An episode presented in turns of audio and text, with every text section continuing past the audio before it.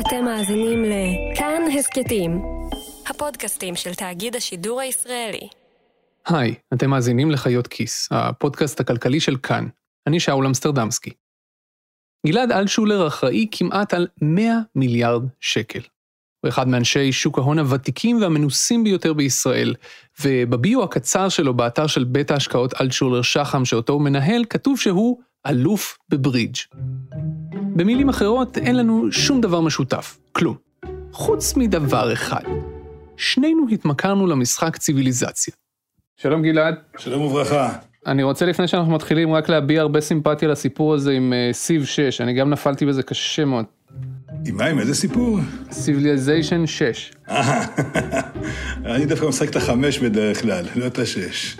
הבנתי. עברתי לשש ואהבתי יותר את החמש, אז חזרתי אליו. וואלה. אני ממש הייתי צריך אה, לנתק את עצמי בכוח, ובינתיים הבן שלי התמכר לזה בעצמו. אז... אה, כן, כן, מכיר את התופעה, מכיר את התופעה היטב. כן. אלטשולר הוא באמת מהדמויות הבכירות ביותר של שוק ההון הישראלי. הוא שועל השקעות מאוד מאוד ותיק, הוא ראה כבר הכל.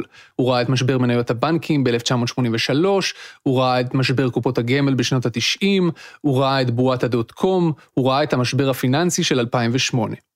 בכל הראיונות שהוא נתן בזמן האחרון, הוא חזר על אותו משפט בצורות אחרות. אלה שיוצאים מהשוק כשיש מסכים אדומים, חוזרים אחרי שהעליות כבר התחילו. או כשהערפל יתפזר, העליות יחזרו. או הציבור תמיד טועה בתזמון שלו, אל תעשו את טעות חייכם. כאלה מין כותרות. ובעיקרון, אני מסכים איתו. כלומר, זה הכלל הכי בסיסי שמלמדים אתכם על שוק ההון. אל תנסו לתזמן את השוק. חיסכו לטווח ארוך, ובממוצע תרוויחו. אבל ככל שהימים עברו, והכל נהיה כל כך מוטרף וקיצוני סביבנו, התחלתי לתהות, רגע, אולי הפעם זה לא נכון? אולי אנחנו נמצאים בטריטוריה שבה האקסיומות שהכרנו כבר אינן תקפות? אולי אפילו גלעד אלטשולר לא ראה הכל? תראה, ב-2008, כשהיה המשבר של הסאב פריים, חשבנו אותו דבר. בשיא המשבר, חשבנו שהמערכת הבנקאית העולמית מתמוטטת. אני זוכר את ה... גם את החרדות שהיו בתקופה ההיא, ואת המחשבות האפוקליפטיות שהיו, הם כמו היום, זאת אומרת, העניין הוא שאז האדם יכל לשלוט, זאת אומרת, אה, יכולנו לשלוט בזה באמצעים אה, מוניטריים כאלה ואחרים. הבנקים המרכזיים בעולם הצליחו לשלוט במשבר, וככה יצאנו ממנו. ופה אני לא מדען שיודע אם בעוד אה, חצי שנה, או בעוד שנה, או בעוד שנה וחצי, ימצאו את החיסון המתאים לנגיף הזה. אז קצת יש שוני בין המשברים השונים, וברור שיש פה איזשהו סימן שאלה לגבי העתיד, לגבי איך נצא מהמשבר הזה. יש פה סימן שאלה. וכמו שאמרת, אתה לא חוקר מגפות. אתה מנהל השקעות, זה המקצוע שלך. עכשיו, איך אתה מסוגל להעריך, בהינתן שיש לך את החוסר המקצועי הזה, איך אתה מסוגל להעריך במה כדאי להשקיע ובמה לא? כן, עכשיו זה...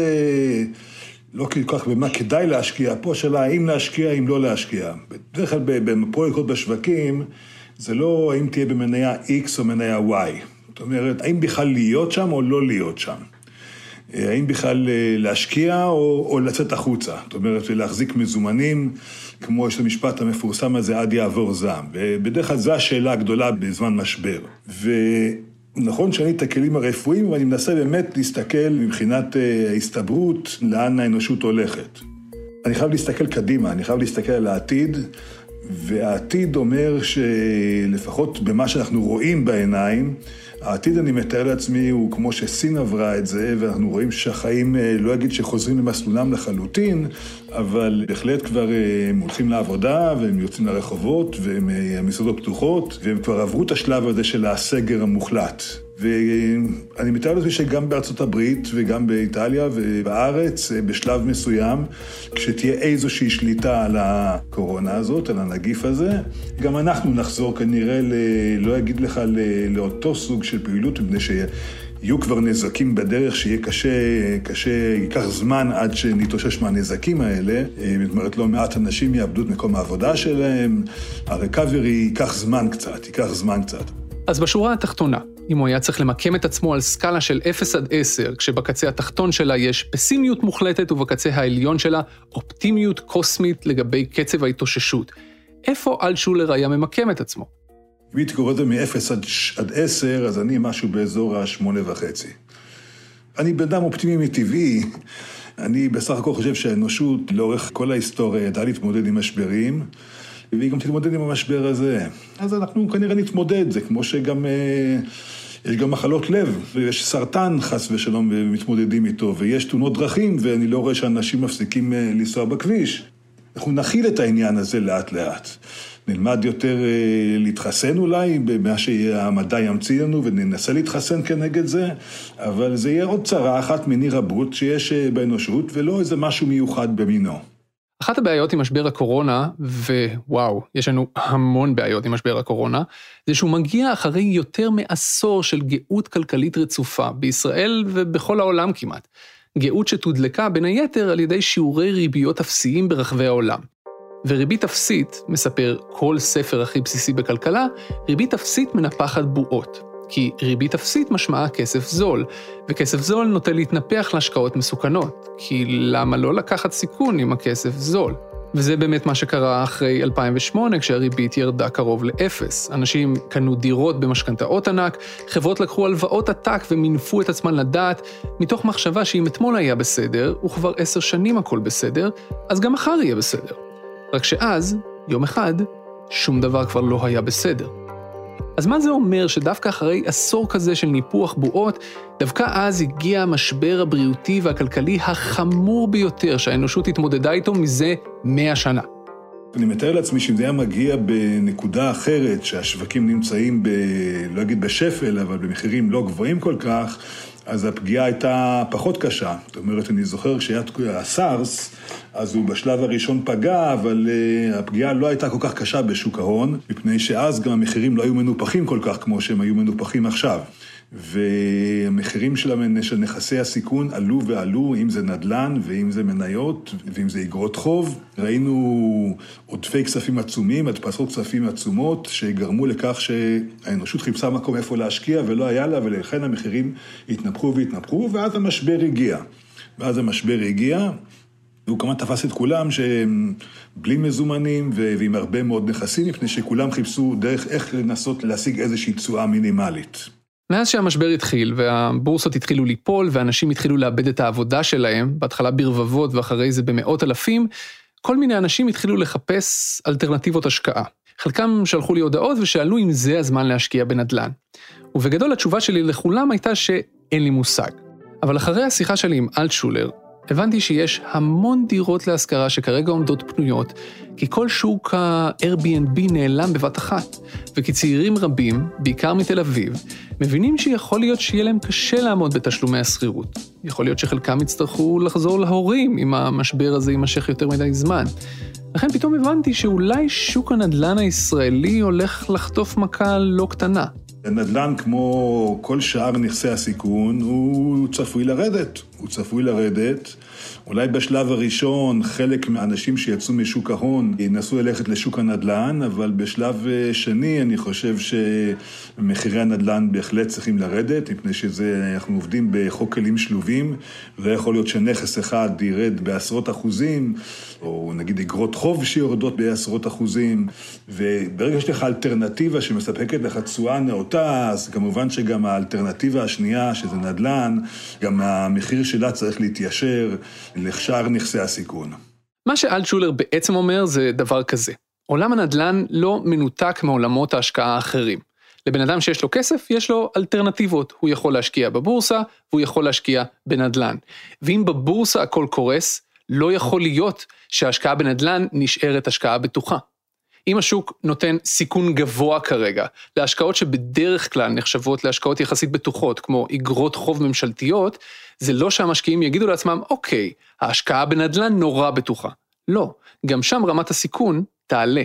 וגם מצד הביקושים, לא לשכוח שלצערנו הרב התווספו מאות אלפי מובטלים, שהם לא כל כך בקלות יכולים לשלם את המשכנתה במחירים האלה. אז אה, בהחלט אני חושב שאנחנו נראה קצת ירידה בביקושים כתוצאה מזה שלאנשים לא יהיה כסף לשלם עבור דירה חדשה.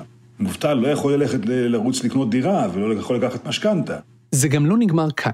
גם אה, מלאי דירות אה, שהצטברו אצל קבלנים, הריבית כבר לא תהיה זולה להם כמו בעבר. עכשיו שוק ההון אה, והבנקים יקשיחו את העמדות שלהם, והגיוסי הכסף יהיו הרבה יותר יקרים, זאת אומרת, עלות החזקת דירה אצל קבלן תהיה לו מאוד יקרה, לכן הוא יצטרך למהר ולמכור אותה.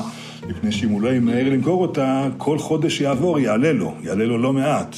עלות המימון היא פה כבדה. אז אני חושב שיהיה דווקא בשלב השני, אני חושב שנראה לחץ של מכירה של דירות, מפני שיהיה פחות קונים והמוכרים יצטרכו להתגמש המחיר הרבה יותר כדי לא לשלם את הריביות הגבוהות. אבל חכו, כי זה אפילו לא נגמר כאן. יש הרי מישהו שחילק את כל המשכנתאות האלה, נכון? הבנקים. מה זה יעשה לבנקים אם הנדל"ן ירד? ובאופן כללי, אם אנשים ועסקים לא יוכלו להחזיר את החובות שלהם. לבנקים, ברור שהבנקים ייפגעו, לא רק למשקי הבית הם נתנו הלוואות, גם לעסקים קטנים וגם לחברות גדולות, שחלק מסוים מהם לא יצלח את המשבר, והבנקים יצטרכו למחוק חובות. אה, זה לא יסכן אותם, מפני שבעשר שנים האחרונות, עקב רגולציה מחמירה, הבנקים אה, חיזקו את ההון העצמי שלהם ואת יחס אלימות ההון שלהם, אז אני לא חושב שזה יביא למצב של אה, קריסת הבנקים, אבל בהחלט הרווחיות שלהם תרד, בטח בשלב הקצר. והבינוני, אבל אחר כך, תלוי כמובן לאן המשבר הזה הולך. בזמן המשברי אני חושב שהבנקים יכולים לעבור את זה, לא אגיד בקלות, אבל בהחלט בלי סיכון ממשי לבנקים עצמם.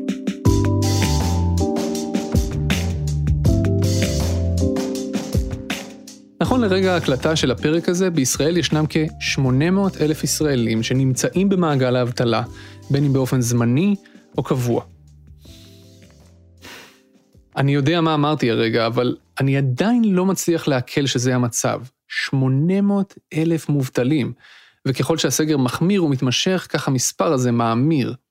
ורוב הזמן אנחנו מדברים על העצמאים שנפגעו ועל העובדים המבוגרים שעדיין נאלצים לעבוד, ואולי יהיו זכאים לדמי אבטלה ואולי לא, ועל עסקים הקטנים שנפגעו ועל השכירים שהוצאו לחופשה כפויה ללא תשלום והכל, ורק מגזר אחד עדיין לא הגיע לכותרות, למרות שגם שם שום דבר לא נראה בסדר. ההייטק. מה דעתך על אה, איך זה ישפיע על אה, מגזר ההייטק? מגזר ההייטק. יש לטוב ולרע במגזר ההייטק. ברור, אחרי שרואים את מה שקורה כרגע, רואים את כל הנושא של אה, עבודה מהבית, אז כל מה שקשור בתשתיות, תקשורת, יצטרך, יצטרכו להשקיע סכומים ניכרים. אנחנו מדברים כאן אה, באינטרנט ובקווים שכבר אה, בישראל לפחות, כמו בתקופת האבן פחות או יותר, וברור שצריכים פה תשתיות טובות יותר, גם כאן וגם בכל העולם. מה שקרה בשנים האחרונות, לא השקיעו כל כך בדור חמש, מפני שלא היה מי שישקיע את הכסף. חברות תקשורת בהרבה מקומות בעולם, הם, אה, כתוצאה מהתחרות החזקה, אין להם את הכספים להשקיע בדור חמש, ולכן אה, ראינו שיש עיכוב בפריסה שלו. עכשיו אנחנו רואים שזה צורך לאומי, ויכול להיות שממשלות יבינו, כמו שפורסים רשתות חשמל, וכמו שפורסים אה, ביוב, יצטרכו גם אותו דבר לפרוס קווי תקשורת, שיהיה רוחב פס משמעותית גבוה יותר, והוא פותר הרבה מאוד בעיות. יכול לגרום לכך שנוכל לעבוד יותר מהבית, זה גם פותר את בעיית הפקקים, את העומסים בתנועה, וזה גם אה, ידרוש פחות שטח, שטח משרדים. זה אינטרס לאומי. אז כל מה שקשור בתחום של התקשורת, אני חושב שההייטק לא ייפגע כל כך. ובכל מה שקשור בצריכה ובמותרות, יכול להיות שפה כן תהיה פגיעה.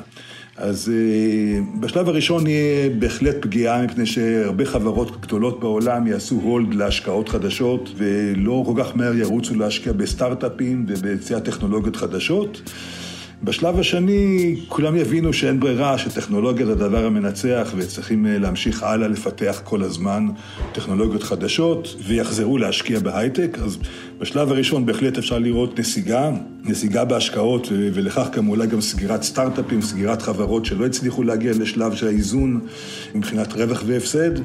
מה שכן נראה יותר ויותר זה דווקא לא בתחום ההייטק, אבל בתחום הביוטק. כולם יבינו שאם שכחנו את העניין של הרפואה ו... וחברות רפואה שממציאות תרופות, זה תחום שיתעורר בגדול, מפני שהעולם יצטרך להשקיע הרבה יותר בבריאות, מדינות יצטרכו להשקיע תקציבים מאוד משמעותיים לתשתית הבריאות אצלם, זה תפס כמעט את כולם בלתי מוכנים, ויבינו שלא צריכים רק את הצרכים המיידיים אה, שבוערים באותו רגע, יצטרכו להסתכל גם לטווח רחוק יותר, וזה אומר להשקיע בהרבה מאוד בתשתיות אה, הבריאות, אז כל מה שקשור בטכנולוגיה, של מכשור רפואי, אני חושב שם בהחלט אה, נראה גידול בהשקעות. אם אתם עדיין נושמים בשלב הזה, בואו נדבר שנייה על איך יוצאים מכל זה. או ליתר דיוק, מה הממשלה יכולה וצריכה לעשות בשביל להנשים את האנשים שנפגעים כלכלית מהווירוס, ובעיקר מצעדי הסגר של הממשלה. ממשלות אחרות בעולם מציעות חבילות חילוץ אסטרונומיות בהיקפים דמיוניים, ובישראל קצת גוררים רגליים. אז מה צריך לעשות? לפי אלטשולר לפחות צריך להיות כאן צעד משולב של הממשלה ושל בנק ישראל. הממשלה צריכה להשקיע כסף, הוא אומר, ובנק ישראל צריך לוודא שיש לממשלה את הכסף הזה להשקיע. כלומר, להלוות לה את הכסף במידת הצורך, אם שוק ההון לא יתפקד מרוב פאניקה. הממשלה תצטרך לבוא בגיוס של אגרות חוב אה, בבורסה לשוק ההון, ושוק ההון לא יוכל לקלוט את זה. מפני שאין את הסכומים האלה, פשוט אין את הסכומים האלה, זה ייצור לחץ גדול מאוד על השוק. אז אה, פה בנק ישראל יצטרך להיכנס לתמונה, וכמו שמה שקורה בהרבה מקומות בעולם כבר תקופה מאוד ארוכה, הוא יצטרך להכריז על אה, הרחבה מוניטרית ולרכוש אגרות חוב של המדינה בשוק החופשי. זה מה שעושים ביפן כבר כמעט 30 שנה, זה מה שעושים באירופה 12 שנים, זה מה שעושים בארצות הברית כבר בערך 12 שנים, ועכשיו הכריזו על סכומים מאוד גדולים בארצות הברית שעושים את זה. אז זה צריך להיות גם בנק ישראל וגם הממשלה. זו עבודה משולבת, מפני שהממשלה לא יכולה להגיד אני תומכת, היא בהחלט צריכה לעשות תוכניות כאלה שירחיבו את הכלכלה בקטע הזה, אבל אין את הכסף לעשות את זה. וזה אולי נשמע טכני, בנק ישראל מלווה כסף לממשלת ישראל, אבל זה לא רק טכני. זה גם מהותי. אם הממשלה צריכה כסף והבנק המרכזי שלה נותן לה, המשמעות היא שהבנק הדפיס כסף. בבנק ישראל מסבירים שזה לא בדיוק ככה, ושהם סופגים חזרה כל שקל חדש שהם יצרו. זה מנגנון כזה שעובד דרך סוג של אגרות חוב שבנק ישראל מנפיק, שקוראים להם מק"מ, אבל האמת, המנגנון הטכני עצמו לא כל כך משנה. ממילא זה מעניין שלושה אנשים שמתעניינים בכלכלה מוניטרית. המהות משנה.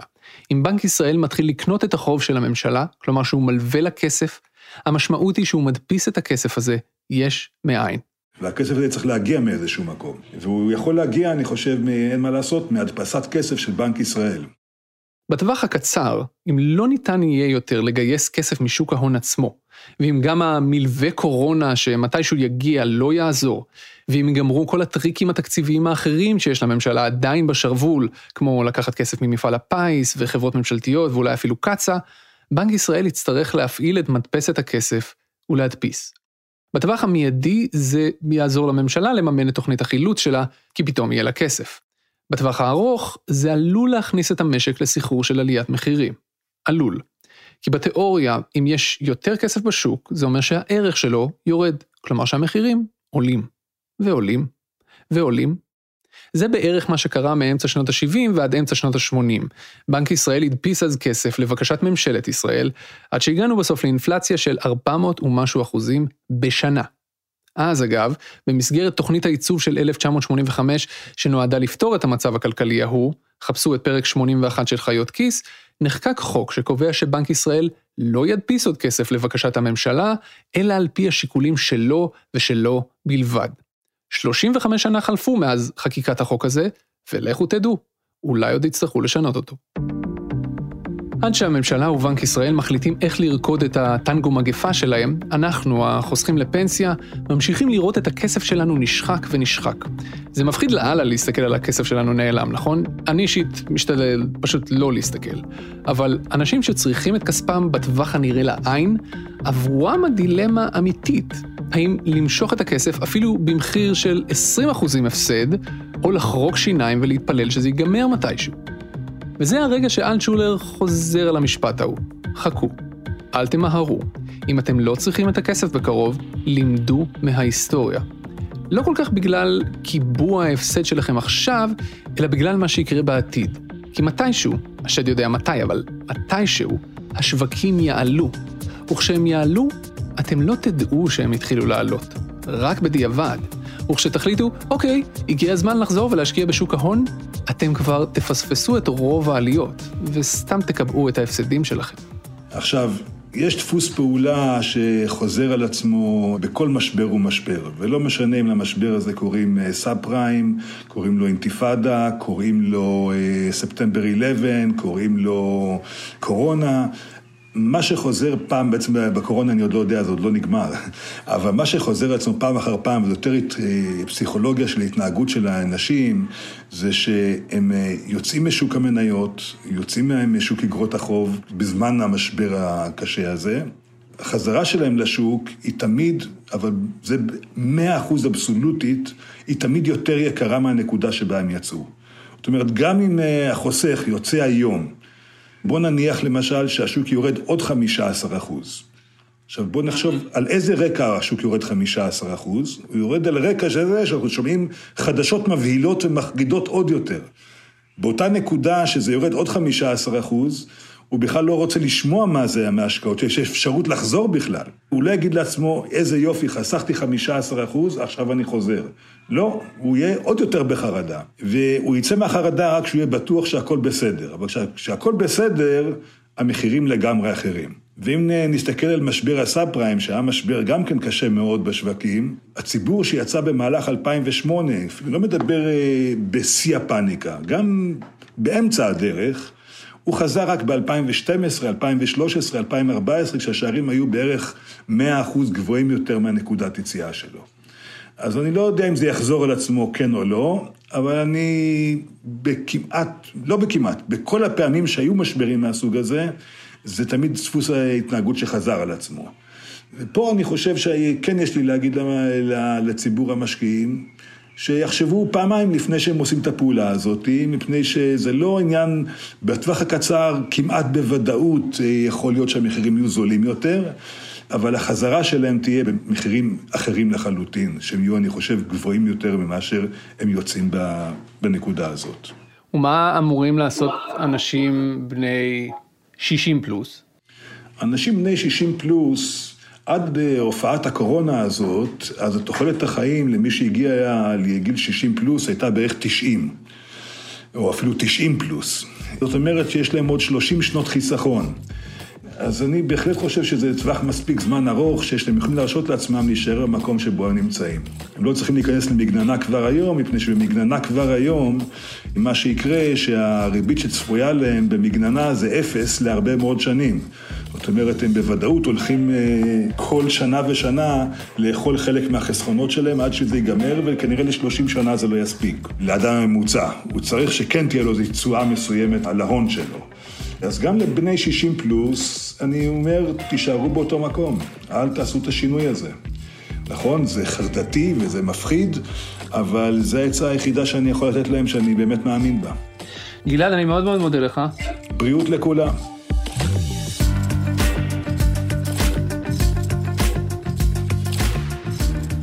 אתם האזנתם לחיות כיס. בזמן האחרון אנחנו משתדלים להקליט פרקים וליצור אותם בתדירות גבוהה יותר, כי החדשות והעולם משתנים במהירות מטורפת. אם משהו ששמעתם בפרק הזה כבר פחות רלוונטי עד שהוא עולה לאוויר, אנחנו מתנצלים. אבל אתם מוזמנים לעקוב אחריי בטוויטר או בפייסבוק, או להתעדכן ברדיו, בטלוויזיה או איפה שנוח לכם. בואו גם לקבוצת הפייסבוק שלנו, לא מתקהלים שם. רומטיק הוא העורך והמפיק שלנו, אסף רפפורט הוא עורך הסאונד. במערכת חיות כיס לא מתקהלות גם צליל אברהם ודנה פרנק. תודה גם לרחל רפאלי על הסיוע בעריכה. אני שאול אמסטרדמסקי, תודה שהאזנתם. עכשיו, סתם ליתר ביטחון, שיתפו ידיים. מה אכפת לכם?